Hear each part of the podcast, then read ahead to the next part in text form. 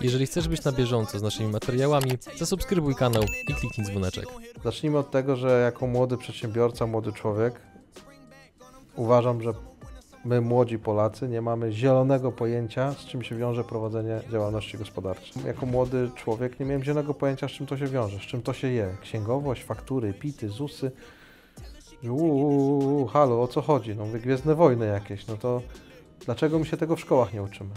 Dlaczego my nie potrafimy wypełnić jakichś druków urzędowych i tak dalej już z poziomu szkoły? Dla mnie VAT, przychód, rozchód i tak dalej, no było gdzieś to w szkole poruszane, ale nie na takim etapie, żebym ja potrafił wdrożyć to w życie. Tymczasem my przechodzimy do konkursu. A nagrodą co będzie? Kompleksowe mycie detailingowe samochodu w środku i na zewnątrz. Partnerami kanału są mBank, DPD, Twoi eksperci w doręczaniu, SN Accounts, Twój księgowy w UK, Webe Partners, sieć afiliacyjna dla e-commerce. Linki do partnerów w opisie materiału.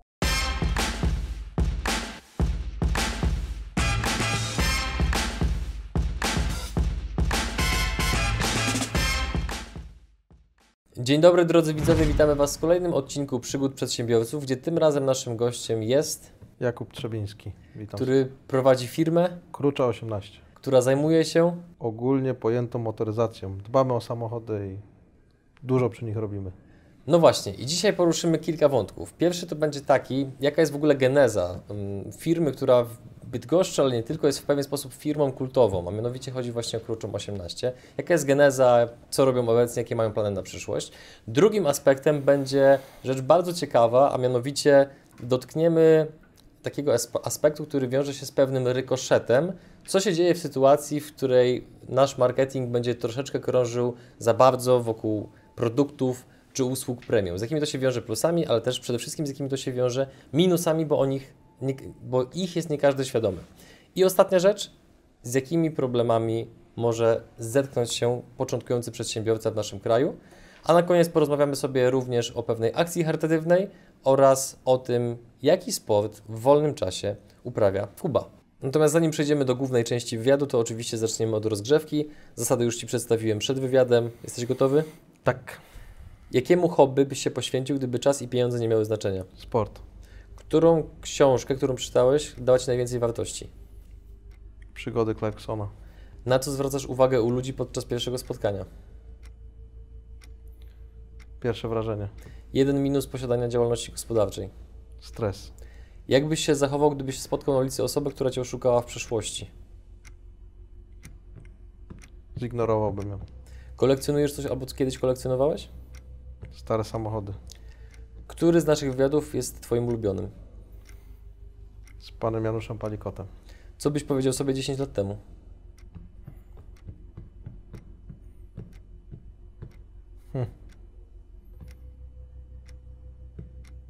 Nie poddawaj się. Największa głupota z okresu bycia nastolatkiem. Niesłuchanie wszystkich rad rodziców. Gdy przyglądasz się ludziom, na co zwracasz najczęściej uwagę? Czy ktoś jest szczery? Mamy to. Rozgrzewka za nami. To teraz przechodzimy do głównej części. To w takim telegraficznym skrócie. Jaka jest w ogóle geneza powstania Kruczej 18 i dlaczego nazwa firmy jest taka sama jak nazwa ulicy? Zgadza się? Tak, tak. Geneza była taka, że po skończeniu e, szkoły, po uzyskaniu tytułu e, wyższego, pojawił się pomysł, żeby zacząć pracować w firmie rodzinnej. Po jakimś tam czasie okazało się, że nie do końca tam jest miejsce na kolejnego pracownika, powiedzmy, bo po prostu tata był za młody na przekazywanie sterów czy cokolwiek innego, bądź dzielenie się decyzyjnością w firmie i no i pojawił się pomysł, że trzeba szukać czegoś swojego. W międzyczasie mój bardzo dobry kolega, który pracował przez 17 lat w branży motoryzacyjnej, był odpowiedzialny za duży kompleks blacharsko-lakierniczy. Jego niestety szef zmarł no, na chorobę. No i pojawił się pomysł, że może wspólnie otworzyć coś z motoryzacją.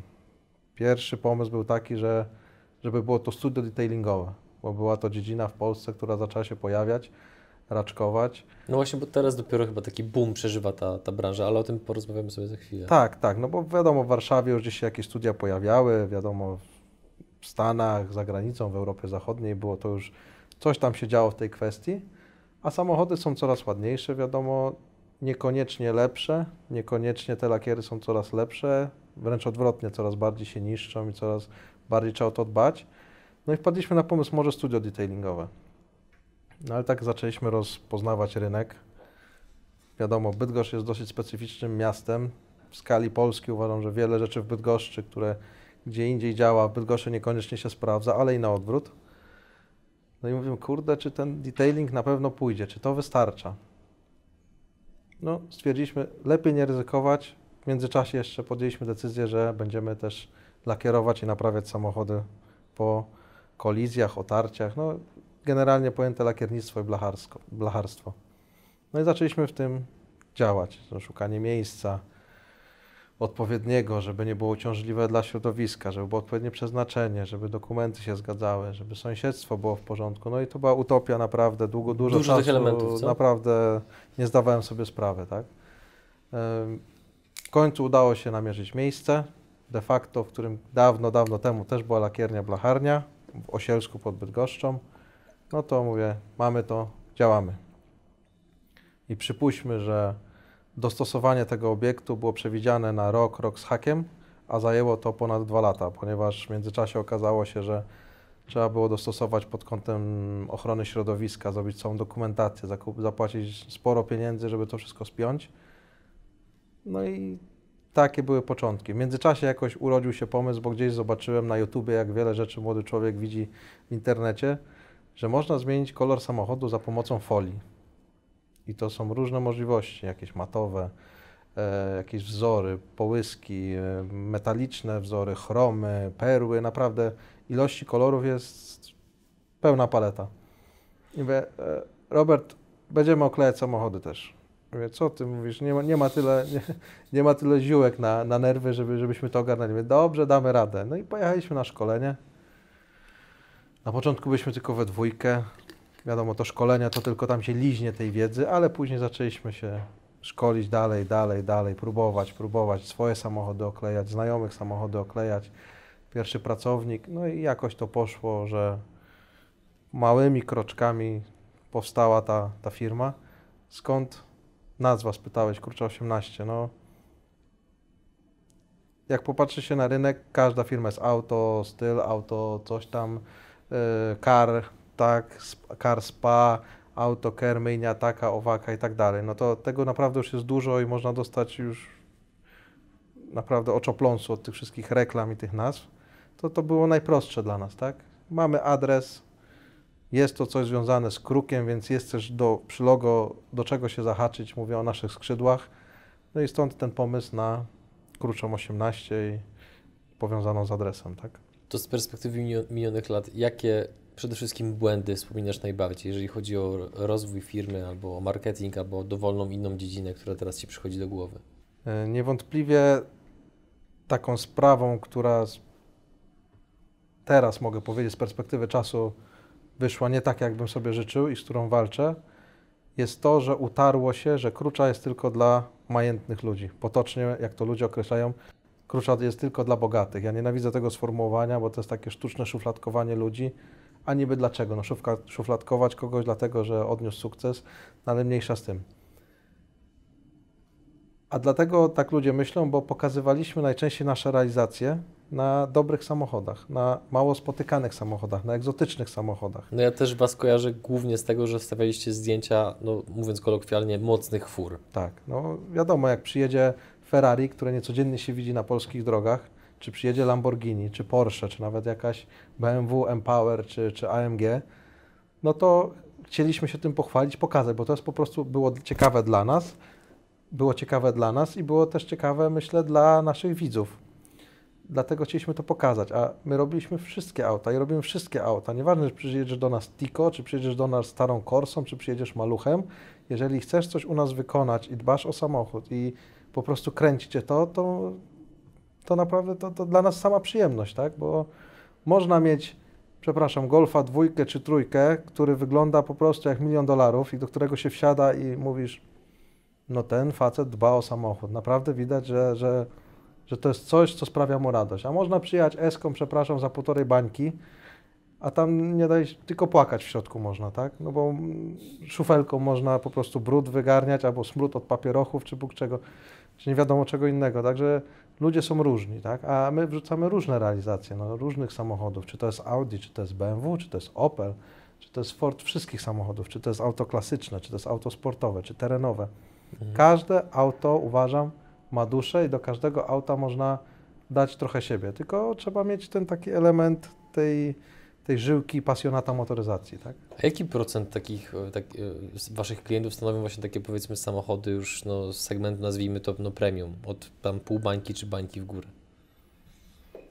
Ceny aut wiadomo rosną bardzo i, i, i za pół bańki można kupić w miarę, wydaje mi się też już takie normalny samochód, jak to się mówi, pomimo, że to jest kupa kasy, ale jeżeli pytasz o takie auta egzotyczne i takie sportowe i mniej spotykane, to ja nie wiem, czy to jest do 5% maksymalnie, maksymalnie. Czyli takich jakby, no, nazwijmy to samochodów normalnych, standardowych jest dość dużo u Was. Dość dużo, tak. Po prostu mało tak. Kto, kto o tym wie, no bo przygnęła ta łatka właśnie. Tak, no my pokazujemy te realizacje, ale wiadomo, mhm. E, użytkownik Facebooka, Instagrama czy strony internetowej nie zwróci na to uwagę, no bo jak zobaczy, no nie wiem, Audi A3, które przyjechało, nawet nowe, prosto z salonu, a za chwilę przyleci mu jakieś Lambo, czy Aston, czy Maserati, czy, czy, czy Porsche, i nagle, no na co zwrócił uwagę? No mhm. wiadomo, że na żółte Lambo czy na czerwone Ferrari, tak? A nie na szare Audi A3. No to na tej zasadzie jest, tak? Mhm.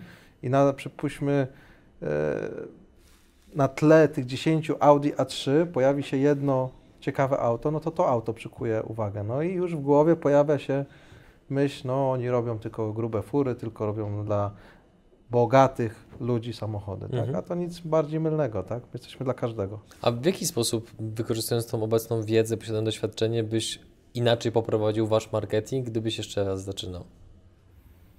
To jest dobre pytanie, bo nieraz się nad tym zastanawiałem, co, co schrzaniłem, a co mógłbym zrobić lepiej w tej kwestii. Ja bym, no nie pokazywać w ogóle tych dobrych aut, to też by było mniej zauważalne ogólnie, cała marka by była mniej zauważalna. E, myślę, że może w parach pokazywanie tych samochodów, tak? Że w tym tygodniu mieliśmy przyjemność pracować przy takim i takim samochodzie. Jak przy Lambo by stał Opel Corsa na przykład, no to no, zrobili dwa fajne samochody, tak? Dwa, efekt dwóch fajnych samochodów. I może na przykład, teraz strzelam na gorąco, tak? Mm-hmm, no jest to jakiś pomysł. No, no, ciężko jest dotrzeć do klienta dzisiaj. Naprawdę jest taka konkurencja, jest klient jest tak wyprany przez media i informacje spływające z każdej strony, nie zawsze prawdziwe, że dotrzeć do tego klienta naprawdę to jest duża, duża sztuka. No i właśnie, tutaj troszeczkę podrążmy, bo e, ja obserwuję coś takiego, nawet jak się przygotowywałem do e, wywiadu z Tobą, to e, widziałem jakby w internecie, że tych ofert takich no, dotyczących detailingu jest od groma. Mhm jeszcze kilka lat temu, nawet jak rozmawiałem z takim jednym kolegą, który jest troszeczkę w branży siedzi, to on sami powiedział, że kilka lat temu tego aż tak dużo nie było. Mhm. Więc w jaki sposób Wy teraz odnajdujecie się w takim środowisku, gdzie konkurencja jest znacznie większa i, i prawie każdy przykleja sobie tą łatkę, że też robi detailing? To jest bardzo ciężkie, ponieważ no, byliśmy pierwsi w Bydgoszczy, może w pierwsi w takim zakresie w Bydgoszczy, więc każda następna firma, która powstaje, to porównuje się do nas. Więc no my jesteśmy ci źli, tak naprawdę. E, ja wychodzę z założenia, mam politykę, że nie interesują mnie inni, po prostu robię swoje, nie zamierzam na nikogo nic tam złego mówić, bo to nie, nie moja brocha. Samochodów jest tyle i przybywa ciągle, że starczy dla każdego, tak? Nie lubię tylko takich ciosów poniżej pasa, bo różne firmy różnie się zachowują. Ja uważam... Podaj jakiś przykład takiego ciosu, który wy otrzymaliście. No jest dużej w dużej mierze współpracuje się z, samochod, z salonami samochodowymi. Że przypuśćmy, idziesz jutro do salonu, kupujesz Mercedesa takiego owego, no, powiedzmy C-klasę, tak? I sprzedawca zaproponuje Ci, że możesz zabezpieczyć tą powłokę, tu sobie to auto powłoką ceramiczną, bądź folią, bądź cokolwiek innego, tak? No i pracuje się nad kontaktami z salonami, ze sprzedawcami itd., tak itd. Tak no za chwilę przychodzi y, firma inna, która po prostu zrobi wszystko, żeby ci to podkupić, tak? I to po prostu jest już notorycznie i to się dzieje non-stop i, i to są bardzo, bardzo już takie metody, no niefajne, niefajne. Ja w pewnym momencie przestałem z tym walczyć, bo stwierdziłem, że no może się klient sparzy raz, drugi, trzeci i tak do nas wróci, tak? Mhm. Ale niestety często będzie też tak, że, że klient się sparzy na usłudze detailingu, bo została ona źle wykonana. No i wyrobi już sobie opinię, że no ten detailing to, przepraszam, do niczego jest, tak? I nic No to, nie daje. to słuchaj, to wyedukujmy trochę ludzi, no bo nas będą oglądali ludzie z Bydgoszczy, Lublina, Szczecina, Londynu, Mhm. Oslo. Mamy praktycznie oglądalność na terenie gdzieś tam całej Europy, jak nie świata. Zabrzmiało to super dumnie, to są oczywiście pojedyncze osoby. Polonia za granicą, mówiąc w dużym skrócie. No ale to są w większości przedsiębiorcy. Mhm. Przedsiębiorcy z racji posiadanych możliwości są w stanie jeździć no, trochę lepszymi samochodami, Mhm. w których taka powiedzmy potrzeba detailingu e, może, może, może zaistnieć. To gdybyś miał taki dać im krótki samouczek, w jaki sposób oni, jako powiedzmy laicy, mogliby sprawdzić, czy dany powiedzmy salon, dane studio detailingu faktycznie zna się na rzeczy. Jakie pytania zadać, na co zwrócić uwagę, co powinno być taką czerwoną lampką, że jak się pojawi, to taki klient powinien powiedzieć ho, ho, ho, nie, nie, nie, ja się wycofuję, zabieram auto, dziękuję. Mhm. Myślę, że podstawowe rzeczy, jak w każdej dziedzinie, czyli e, myślę, że pierwszym rzut to jest wygląd firmy. Tak, że nie jest to w jakimś garażu, przepraszam, zbitym z trzech desek, gdzie wszystko się rozlatuje, tylko no jest ta firma, widać no już jakiś czas na rynku, że ma ugruntowaną jakąś e, swoją renomę. Po drugie, ilość realizacji, które wykonała i opinie klientów. Opinie są różne, bo klienci też są różni, tak? Ale tak wyśrednić sobie to, popatrzeć, co zrobili już, jakie auta zrobili, jakie efekty, jak ten klient, jaki oddźwięk klienta później jest. Następne, na jakich środkach pracują? Czy jest to jakaś firma krzak, którą, przepraszam, znalazł sobie pan X na AliExpress i importuje e, e, środki, które wyglądają, powiedzmy, tak jak e, marka renomowanych firm, tak? Powiedzmy, na pierwszy rzut oka wygląda tak samo, opis jest taki sam, jakieś tam certyfikaty pana Ho z pod Pekinu, tak? Ale tak naprawdę trzeba pracować na sprawdzonych markach i sprawdzonych produktach, tak? Kolejna rzecz, gwarancja.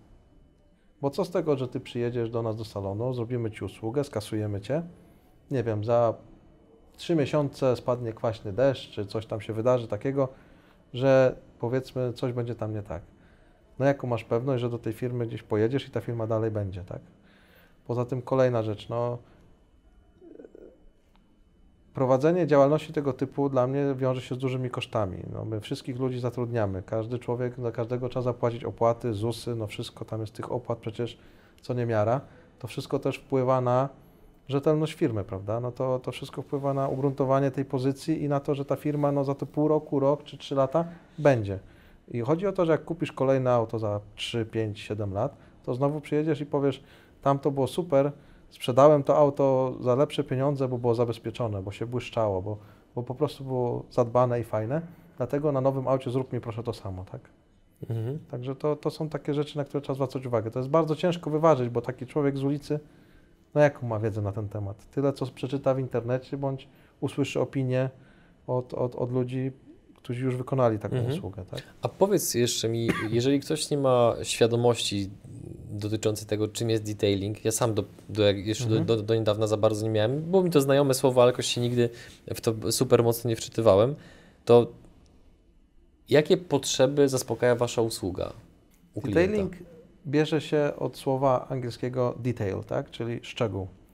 Generalnie założeniem detailingu jest to, że kupując nowe auto, nakładamy na nie powłokę tej, w tym momencie ceramiczną.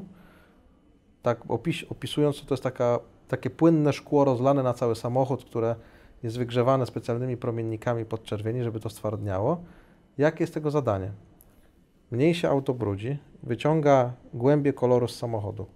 Nadaje lakierowi właściwości hydrofobowe, czyli wylewamy nagle wiadro od 50 litrów wody na Twój samochód, to wszystko spłynie. Jeżeli nawet pada deszcz i pod, podczas pędu powietrza w trakcie jazdy, zadaniem jest tego, żeby tą wodę odprowadzać po prostu, tak? E, mniej się auto rysuje, no i przede wszystkim błyszczy się. Błyszczy się, świeci się. To nie jest też tak, że przyjedziemy na kurczą, położymy powłokę ceramiczną i to auto jest teraz nagle Kuloodporne. kuloodporne, tak? Możemy jeździć po krzaczorach, ganiać tam Bóg wie co i, i wszystko będzie fajnie. No nie. Znowu trzeba o to dbać. To nie jest też, że pojedziemy na pierwszą lepszą myjnię, gdzie pan Heniu z małym wiaderkiem i jedną szmatką całe auto opędzluje w pół godziny, wytrze na sucho z piaskiem i to dalej będzie ładnie wyglądało. No nie. To po prostu jest taki półśrodek, żeby to auto fajnie wyglądało. Jest inne rozwiązanie też, jest folia bezbarwna. To jest dopiero raczkujący taki e, dział w polskiej motoryzacji w Polsce, żeby zabezpieczyć swój samochód. Są już folie z dożywotnią gwarancją na żółknięcie. E, praktycznie zabezpieczamy całe auto. Nie interesuje nas słońce, nie interesuje nas sól, nie interesują nas kamyczki, piasek, odpryski. Nawet jak żona, przepraszam, w bramę się nie zmieści, co mi się osobiście przytrafiło, e, no i chyba się, chyba się w bramę nie zmieściłam i przytarłam błotnik. Mówię, powtórz proszę. No mówię, chyba, a co, to, to chyba to mnie martwi troszeczkę. Poszedłem zobaczyć, no jest obtarty błotnik, tak? Ściągnąłem folię, bo oczywiście mam zabezpieczony samochód, na lakierze nie było ani śladu. Aż tak, to ani zabezpieczone. śladu. No wiadomo, jak się gdzieś przydzwoni przy 70 na godzinę w kamlota, no to czy w inny samochód, to cudów nie ma, tak? Ale takie kosmetyczne uszkodzenia można jak najbardziej e, uniknąć ich, tak? Mhm. Łącznie z tym, że folia jak wiadomo, auto się myje, wyciera, jest jakieś tarcie powietrza, wody, brudu tak dalej, to powstają te mikroryski takie, tak? E, w momencie, jak ta folia dostanie ciepłej wody bądź temperatury ze słońca, ona się wulkanizuje. Znikają te rysy. Folię można też woskować, żeby jeszcze podbić efekt e, połysku. E, można oklejać lampy samochodów, reflektory, przednią szybę, żeby nie było tych odprysków. Jak auto ma już ze 100 tysięcy przebiegu i tak pod światło się popatrzy, to wygląda jak wypiaskowana. Na to wszystko są rozwiązania. Można skórę zaimpregnować, żeby się mniej od tych jeansów brudziła. Tylko znowu, nie, że będziemy y, codziennie siadać tymi jeansami przez pół roku i ona się nie obrudzi. Nie, to zminimalizuje do połowy może intensywność ty, tego zabrudzenia. To są takie e, zmniejszające ryzyko uszkodzenia zabiegi, tak? a nie, jak to się mówi, kuloodporne czy głupotoodporne, s- długotrwałe rozwiązania. Tak? No, oprócz tej folii można. A jacy klienci do Was najczęściej przychodzą? No bo z tego, co Ty powiedziałeś, to tak ja sobie teraz analizując na szybko, potrafię, potrafię sobie wyobrazić, że przychodzą różni klienci z różnymi potrzebami, ale dominują jednak mężczyźni, czy może kobiety, czy jest porówno? Jak to jest? Dominują mężczyźni, ale kobiety też się zdarzają, także to nie ma jakiegoś tam odzwierciedlenia takiego bezpośredniego. No, mogą przyjść trzy kobiety pod rząd z jakimś problemem, a może, może przyjść trzech facetów zupełnie z innym problemem. Także pełen zakres, pełen wachlarz, każdy może. Jest dużo ludzi, którzy przychodzą tylko po radę, po informację, po wycenę, albo po prostu sobie pogadać. Tak. A przychodzi facet, który wie, czego chce, pyta o cenę, dogadujemy i realizujemy i po temacie. Także to jest, ja myślę, jak w każdej branży. No, Mhm. nie zamykamy się na żadnych klientów, tak? Wracając jeszcze na chwilkę do tego tematu dotyczącego klientów premium, bo to była informacja, która przynajmniej wśród moich znajomych wywołała taki, nie chcę powiedzieć, że popłoch, ale zrobiła pewnego rodzaju wrażenie. Jak to się stało, że waszym klientem e, był raper Paluch? Hmm. Jak wspominasz w ogóle tego klienta? Bardzo sympatyczny człowiek. Bardzo tak od razu przeszliśmy na stopę koleżeńską praktycznie. E, oklejaliśmy już mu chyba dwa albo trzy samochody. Łącznie z tym, że jedno auto to ostatnie było związane z jego nową płytą, która powstała i auto było w kolorze okładki płyty i musieliśmy tam troszkę się nagimnastykować, żeby dobrać folię pod kolor tej okładki, co myślę fajnie zagrało. E, trafił do nas. Ja w ogóle poznałem brata e, Palucha. Nie ukrywam, że kiedyś nie wiedziałem, kto to w ogóle jest. I on mówił, mój brat jest raperem, by przyjechał do was ob obkleić furę. Mówię, co, jakim no, raperem? Mówię, co, co ty opowiadasz mi tu za bajki? Mówię, "Ale dobra, niech przyjedzie, nie? No i przyjechał. Później jak widziałem, że młodsi pracownicy, jak przyjechał, to przyklejeni do szyby, jakby Michael Jordan co najmniej przyjechał. Mówię, o, chyba, chyba on coś znaczy, mówię, nie? Poczytałem trochę, rzeczywiście, no, człowiek z sukcesem z branży muzycznej polskiej, rozpoznawalny. No i tak się to poukładało jakoś. Mhm. No. To a propos tego, co przed chwilą powiedziałeś, że tam musieliście troszeczkę, powiedzmy, pokombinować, że to było troszeczkę wymagające zlecenie, to jakie zlecenie, które mieliście, było najtrudniejszym, które wspominasz? I dlaczego było najtrudniejsze? no to tu może mm, z branży oklejania. Mm, w tej branży jest ogólnie przyjęte, że najtrudniejszym autem do oklejenia, czy do zabezpieczenia folią bezbarwną, czy do zmiany koloru, jest Mercedes klasy G. No bo to wiadomo, Ten taki kanciaty. tak, to Boże, auto, to jest tak doskonałe. Tak, tak ale no doskonałe. po prostu tam projektant miał bardzo duży rozmach i bardzo duże Mhm. poczucie humoru i chyba projektował go siekierą. bo ja mówię, że ma aerodynamikę e, kartona po telewizorze, tak? To nie przeszkadza, Tak. naprawdę.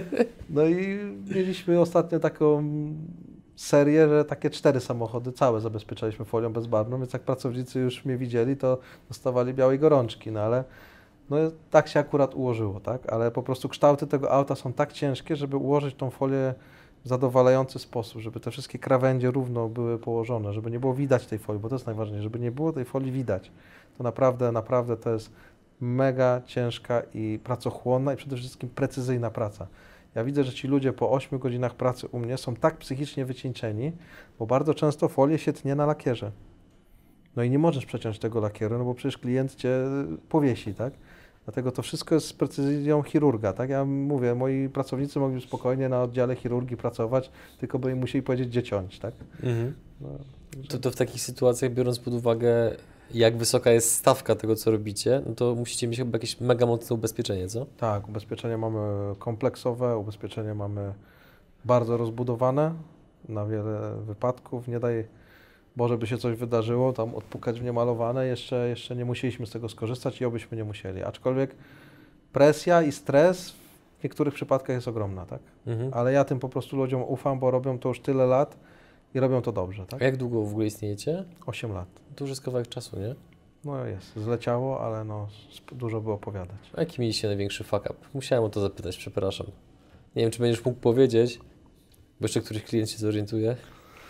Nie, no na przykład są sytuacje, że przyjeżdża klient i mówi oklejamy samochód, tak? Zmieniamy kolor samochodu. No, Okej, fajnie, zmieniamy, nie? Ja mówię, proszę pana, czy to auto było lakierowane kiedyś wtórnie? Nie, panie, nówka, kupiłem, nic nie było lakierowane. No dobrze. A folia jest taka, że jak ją się przyklei, a auto było wtórnie lakierowane, nie wiem przez kogo, nie wiem, czy cały proces e, technologiczny był zachowany, jak się folię przyklei, jest bardzo duże ryzyko, że ten lakier przy odklejeniu zejdzie. Jak tynk. Wtórny, jak tynk. No i przyjeżdża gościu na przykład z S-klasą, jakąś 6.3 AMG, wydaje się, że Bóg wie jakie to nie auto, a się okazuje, że każdy element malowany, a my już zaczęliśmy odklejać. No i wiadomo, folię nie zawsze się uda za pierwszym razem przykleić, trzeba odkleić. No i przyklejasz, odklejasz, a tu lakier zostaje na folii. No i co teraz? No i co teraz? No powiesz klientowi, że miał furę marowaną, bo on nawet nie musiał wiedzieć o tym. Kupił gdzieś auto, nie sprawdził, czy było malowane, czy nie. I problem gotowy. Nie? No i się zaczynają chocki, klocki. No to właśnie te chocki klocki mnie interesują. Co się wtedy dzieje? Jak ktoś z taką furą nagle dowiaduje się, że ma wtórnie nałożony lakier. No, trzeba tego właściciela poprosić, żeby przyjechał i mu pokazać czarno na białym, jak wygląda sytuacja. Trzeba przerwać pracę, powiedzieć, proszę pana, taka sytuacja, tak się wydarzyło. Je, czym to może być spowodowane? No tym, tym, tym bądź tym. I podajemy mu rozwiązania. Jakie są rozwiązania, tak? Bo można takie coś albo wyszlifować i zostawić, nakleić folię i po zdjęciu folii elementy będą do lakierowania, no albo nie oklejać tego auta, polakierować na nowo to, co jest i człowiek dalej jeździ tym, co ma, tak? Ale takich sytuacji naprawdę jest dużo, tak? Mhm. No. A to z czego to wynika? To jest jakaś patologia branży lakierniczej, czy w ogóle branży samochodowej, czy o co chodzi? Myślę, że branży motoryzacyjnej, że to jest tak szerokie spektrum, e, na którym można kręcić, Mhm. Prze, począwszy od kręcenia przebiegami, poprzez lakierowanie samochodów, robienie wstawek, sprzedawanie aut pokolizyjnych jako nieuszkodzonych i tak dalej, i tak dalej, i tak dalej. To zdradź kilka tipów komuś, kto chce kupić używane auto. Jak do tego podejść, żeby nie popełnić błędu i nie wtopić? Warto wziąć win i iść do serwisu samochodowego, no czy to jest Peugeot, Ford, czy Audi, czy Mercedes, sprawdzić ten win, czy jest jakaś historia, czy jest jakaś historia em, kolizji, czy jakiegoś uszkodzenia i tak dalej. Jeżeli klient nie ma nic do ukrycia to i robił wszystko w serwisie, to wszystko powinno tam być, tak? To jest podstawa. Po drugie, można zawsze auto przelecieć e, dookoła całe, wszystkie elementy z metalu e, miernikiem lakieru, tak? Ale najpierw spytać sprzedającego, czy to auto na Pana stan wiedzy było kiedykolwiek lakierowane. No i sprawdzić sobie to, tak? Można pojechać na stację kontroli pojazdów, zbadać stan techniczny samochodu, tak? Można rzeczoznawcę jakiegoś, to nie jest drogi koszt, bo to tam około 200 czy 300 zł kosztuje, poprosić rzeczoznawcę, żeby to auto punkt po punkcie sprawdził według tam Dekra ma coś takiego, czy, czy jakieś inne po prostu towarzystwo, żeby to skontrolować. Można jechać do serwisu i zlecić takie coś w serwisie samochodowym. Jeżeli chcesz kupić Audi, bierzesz to Audi, z panem jedziesz, zlecasz, że mają sprawdzić i ci sprawdzają, tak? Prosto. Czyli wierzyć na słowo to jest raczej niebezpieczny w tej branży. W używanych autach takich na co dzień ja bym raczej nie, niekoniecznie. Jak nie znam auta bądź właściciela, to Mhm. no to duże ryzyko. Nie? Wracając jeszcze na chwilkę do e, popełnionych błędów, czy są jeszcze jakieś inne błędy, które popełniłeś, jeżeli chodzi o marketing? Też możemy tutaj oczywiście już dotknąć tego aspektu, tego jak byłeś młodym przedsiębiorcą. Mhm. Pytamy o błędy ogólne, czy błędy typowo marketingowe? Bo Błędy to ogólne. ogólne. Zacznijmy od tego, że jako młody przedsiębiorca, młody człowiek, uważam, że my, młodzi Polacy, nie mamy zielonego pojęcia, z czym się wiąże prowadzenie działalności gospodarczej. Co to znaczy? Zacznijmy od tego, że żeby w Polsce odnieść sukces, czy zarabiać pieniądze, trzeba mieć albo ekstremalnie dużo szczęścia, albo ekstremalnie dużo pieniędzy. Moje takie zdanie jest. Patrząc na realia, które mnie otaczają. Ty na, czego miałeś więcej? No raczej ani jednego, ani drugiego, także to jest w trakcie. No, no, inaczej, może trochę jednego, trochę drugiego, tak? Dlatego też to nie jest tak, że Krucza to jest mega dochodowa firma i nie wiadomo, pieniądze lecą z oknami i drzwiami, ale po prostu po pierwsze, ja lubię to, co robię, bo sprawia mi radość praca z samochodami, kręci mnie to i efekt końcowy często zapiera dech w piersiach mi, a jak zapiera dech w piersiach mi, to myślę, że klientowi tym bardziej i to jest fajne. No a po drugie już raczej nie ma odwrotu. No jak się powiedziało A, to trzeba powiedzieć B i pracować nad tym, żeby było coraz lepiej, tak? A wracając do tego, jako ja, jako młody człowiek, nie miałem zielonego pojęcia, z czym to się wiąże, z czym to się je. Księgowość, faktury, pity, ZUSy. Uuu, halo, o co chodzi? No mówię, Gwiezdne Wojny jakieś, no to dlaczego my się tego w szkołach nie uczymy? Dlaczego my nie potrafimy wypełnić jakichś druków urzędowych i tak dalej już z poziomu szkoły? Dla mnie VAT, przychód, rozchód i tak dalej, no było gdzieś to w szkole poruszane, ale nie na takim etapie, żebym ja potrafił wdrożyć to w życie. Na lekcjach przedsiębiorczości prowadzonych przez nauczyciela od geografii. No Tak, to tak przynajmniej u mnie było. A, a, a żeby nie pomoc rodziców i doświadczenie rodziców, którzy tam od wielu lat prowadzą działalność gos- gospodarczą, ja bym sobie w życiu nie pomógł. Począwszy przez pomoc materialną, poprzez doświadczenie, poprzez wiedzę, poprzez jakieś e, jakiegokolwiek typu rady, Mhm. to mówię, trzeba mieć naprawdę mega szczęście, żeby, żeby się utrzymać. No, takie, takie mam zdanie. To znowu, mając obecną wiedzę i doświadczenie, to gdybyś zaczynał raz jeszcze, to co byś zrobił inaczej? Bo to, że jeżeli inaczej byś rozegrał marketing, to już wiemy. Ale co To- jeszcze innego To jest niebezpieczne pytanie, bo posiadając wiedzę i doświadczenie na dzisiaj w ogóle nie wiem, czy bym w to wszedł. No to odważne stwierdzenie. Bo ryzyko jest ogromne i ilość pracy, stresu, nakładu, tego wszystkiego jest tak ekstremalnie wysoka, że no, sięga granic ludzkich, tak? I tego nie widać na co dzień, bo ludzie widzą tylko ładne i fajne rzeczy, tak? To, co jest przyjemne, ładne do oglądania, to, co się fajnie patrzy i miło o tym gada, ale, ale to się wiąże z ekstremalnym stresem i bardzo dużą odpowiedzialnością, a żyjemy w takich czasach, mogę powiedzieć o Polakach. Uważam, że jesteśmy zepsuci. Ja uważam, że to jest zepsucie rynkiem chińskim, bo nagle się okazuje, że możesz mieć coś, co niby ma spełniać funkcję taką jak ta droższa rzecz, za pół ceny albo za jedną trzecią. Ale czy ta rzecz jest tak samo dobra? Chodzi mi o to, że ludzie nie są nauczeni, że za dobre rzeczy bardzo często trzeba po prostu zapłacić. Ja nie mówię o jakimś takim sztucznym nabijaniu kwoty czy, czy, czy, czy podbijaniu cen, bo to nie o to chodzi. Ale no, przykład. Przychodzi do mnie człowiek do, do firmy. Dzień dobry, dzień dobry. W jakiej cenie, bierze, ile bierzecie za element? Za lakierowanie elementu. No i się zaczyna pytanie, no bo nie wiadomo, czy akryl, czy metalik, czy trzeba zrobić przejście, czy to jest maska jest duża, błotniczek jest mały, tak? No jest szereg pytań. No ale ile średnio bierzecie za element? Strzelam teraz. 400-450 zł. Ło panie, tam to biorą 250. No to jedź pan, no, no, no pojedź pan, no nie wiem, no, czy pan dostaniesz gwarancję, czy to będzie dobrze zrobione, czy ten człowiek posiada kabinę lakierniczą z wszystkimi pyłami, pozwoleniami, e, certyfikatami i tak dalej, czy jego ludzie e, mają płacone za ZUS, ja tego nie wiem, czy używa dobrych środków, czy używa dobrych lakierów, ja tego nie wiem, no taka jest cena, ale to jest to, o czym mówię, nie, pomału straciliśmy taki kontakt z rzeczywistością w stosunku ceny do jakości. Mhm. Podałem przykład tych Chin, no bo to właśnie stąd się chyba wzięło, tak, że możesz kupić piłkę, która tutaj kosztuje 100 zł, a z Chin przyjdzie za 20 zł, ale czy ta piłka wytrzyma tyle samo, jest tak samo dobra? No, Mhm. no niekoniecznie. Nie? W jaki sposób radzisz sobie e, z takimi obiekcjami klientów, którzy właśnie mówią, o panie, tam jest za 250? Proszę pana, no, u nas ceny są takie, a nie inne. Dostaje pan gwarancję, dostaje pan, dostaje pan zapewnienie, że to zostaje zrobione według sztuki, z zachowaniem wszystkich e, technologicznych procesów, e, że dostaje pan na to określony okres gwarancji, są użyte odpowiednie lakiery, odpowiednie środki i tak dalej. Mhm. Tak? Okej. Jakieś jeszcze inne błędy? Może w obszarze pracowników albo coś takiego? Bo to jest zawsze ciekawy temat. Byłeś zawsze dobrym szefem, dobrym menadżerem, no to jest liderem? właśnie sformułowanie dobry szef. Ja zazwyczaj staram się żyć w dobrych relacjach z ludźmi, a to nie zawsze w relacji pracownik-szef e, działa.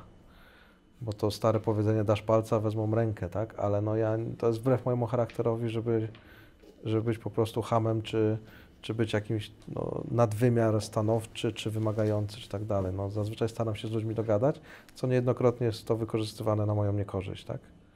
No ale no tak jest. A... A która sytuacja była taka najbardziej dotkliwa, jeżeli chodzi o takie wykorzystanie? Oszukiwanie na temat na przykład wzięcia wolnego, jakiejś choroby, a później spotykasz faceta w markecie z żoną i z dziećmi, albo gdzieś tam na ulicy popalającego papierocha, idącego zdrowego, no, no to takie niefajne rzeczy, albo e, przychodzi do Ciebie pracownik, prosi Cię o zaliczkę, e, czy wypłatę do, do przodu, bo po, na leki potrzebuje, czy na coś, później się okazuje, że nikt nie był chory i no takie, takie niefajne sytuacje. Czy takie sytuacje nauczyły Cię trochę weryfikować to, co ktoś do Ciebie mówi, czy jednak wciąż przymykasz oko na pewne rzeczy? Może to tolerujesz je? Staram się filtrować po prostu na tyle, ile potrafię ważność tych, tych ich próśb, tych e, jakichś zagadnień, które mi dają, ale no, jak mogę, to pomogę. Tak? Mhm. Wątek akcji charytatywnej, którą organizujecie od wiele lat. Opowiedz, co to jest za akcja, o co w tym chodzi, jaka jest w ogóle geneza tego? SRTB dzieciom jest to akcja, która zaczęła się bardzo niewinnie i bardzo spontanicznie. Z grupką znajomych, powiedzmy, przy piwie wyszło to jakoś tak zupełnie nie wiadomo skąd. Yy, Odbyła się teraz 12 edycja yy, tej akcji. Polega to na tym, że gromadzimy przez cały rok domy dziecka, domy jakiejś pomocy, domy usamodzielniające się, domy rodzin potrzebujących, ludzi chorych, ludzi ubogich, ludzi z problemami, ale głównie koncentrujemy się na dzieciach. E, Na początku grudnia do opiekunów tych wszystkich placówek się zwracamy i prosimy, żeby te dzieci napisały list.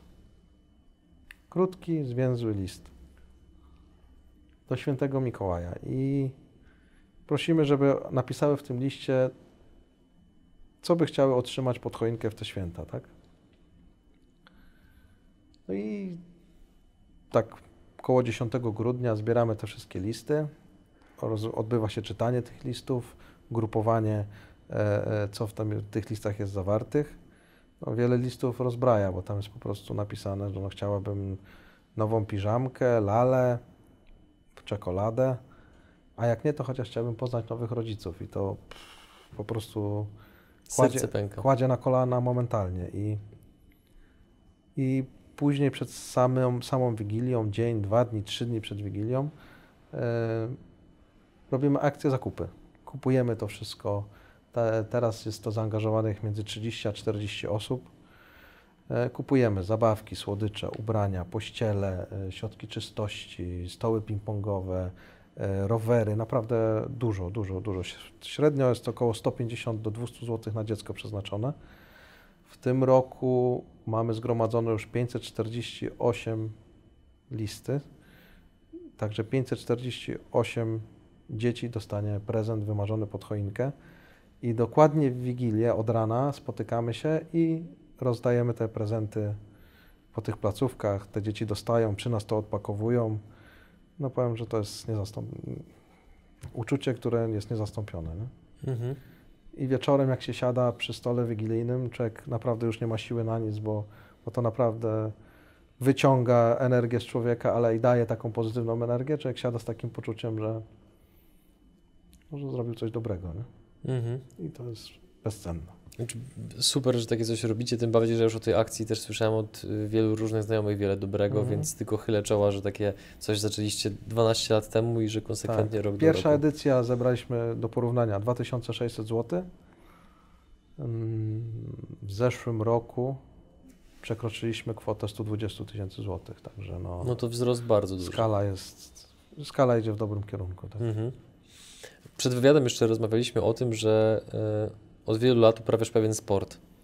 Co to jest za sport i jaki on ma wpływ na Twoje życie? Sport. No, wielu ludzi uważa, że to nie jest sport, aczkolwiek ja twierdzę inaczej, bo każda rywalizacja jest sportem. Jest to strzelectwo sportowe do rzutków. Jest to obecnie nie za bardzo popularny sport w Polsce, Czemu?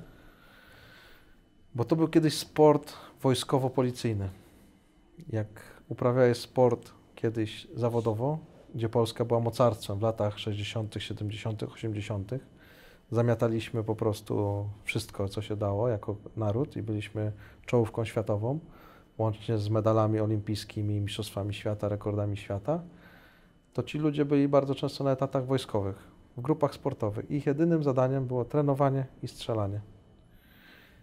Mój trener, zresztą były medalista olimpijski, obecny trener, zawsze mówi, że jego jedna dieta na zawody, czy jego stypendium było dwu czy trzykrotnością pensji jego taty, tak? Więc w tamtych czasach miał to troszeczkę inny wymiar. Strzelectwo dlatego, bo mocno zakorzenione tradycje łowieckie w domu. No i zawsze się człowiek gdzieś tam o tą broń ocierał od najmłodszych lat, chodził na polowania, chodził na strzelnicę. No i tak pomału się okazało, że jakieś tam predyspozycje są, żeby to uprawiać. No i pomału, pomału się udało. Pierwsze medale, pierwsze sukcesy, jakieś pierwsze wyjazdy, kadra narodowa. No i tak już człowiek 20 lat się w to bawi. Tak? Jaki to ma wpływ na Twój biznes przede wszystkim? Miało czy nie miało? Na biznes trochę, na pewno na życie bardzo duże, bo sport mnie mega dużo nauczył. Sport mnie nauczył przede wszystkim radzenia sobie ze stresem i łatwość podejmowania decyzji. Nie mówię, że wszystkich, ale takich pytanie, odpowiedź, pytanie, odpowiedź, bo tak wygląda sport. No, jest akcja, jest reakcja, tak? Jest komenda, jest strzał, no, na tej zasadzie. I, i stres, opanowanie ze stresu. No, no, po prostu stres i głowa w sporcie to jest podstawa, to jest numer jeden. Można być mistrzem treningu, można na treningu strzelać wszystko, skakać najwyżej, biegać najszybciej, rzucać najdalej, ale jak przychodzi start, dochodzi stres i głowa nie wytrzyma, to nic nie zrobisz. I po prostu to mnie, tego mnie nauczył sport. Nie mówię, że, że tylko sport, ale bardzo dużo sport pokazuje na, i uczy, jak radzić sobie w takich sytuacjach o podwyższonym stresie, o podwyższonym ryzyku. A z tak? takim stresem to w sytuacjach powiedzmy stricte biznesowych to zarządzasz w sposób jaki? Taki, że to już jest w, to, w Ciebie w pewien sposób wbudowane, że masz mniejszy poziom wrażliwości na sytuacje stresowe, czy że jednak sobie pewne rzeczy trochę przepracowujesz w głowie, w pewien sposób tłumaczysz? Jak, jak to się dzieje, tak wiesz, od kuchni? Twojej Ja głowie? myślę, że to, co powiedziałeś, to oby, obydwie, oby, obydwa schematy działają, bo żeby nie podjąć decyzji pochopnie, ale żeby skutecznie rozwiązać problem, tak? No, na tej zasadzie przemyśleć i w miarę szybko, konkretnie udzielić odpowiedzi i rozwiązanie problemu. Mhm.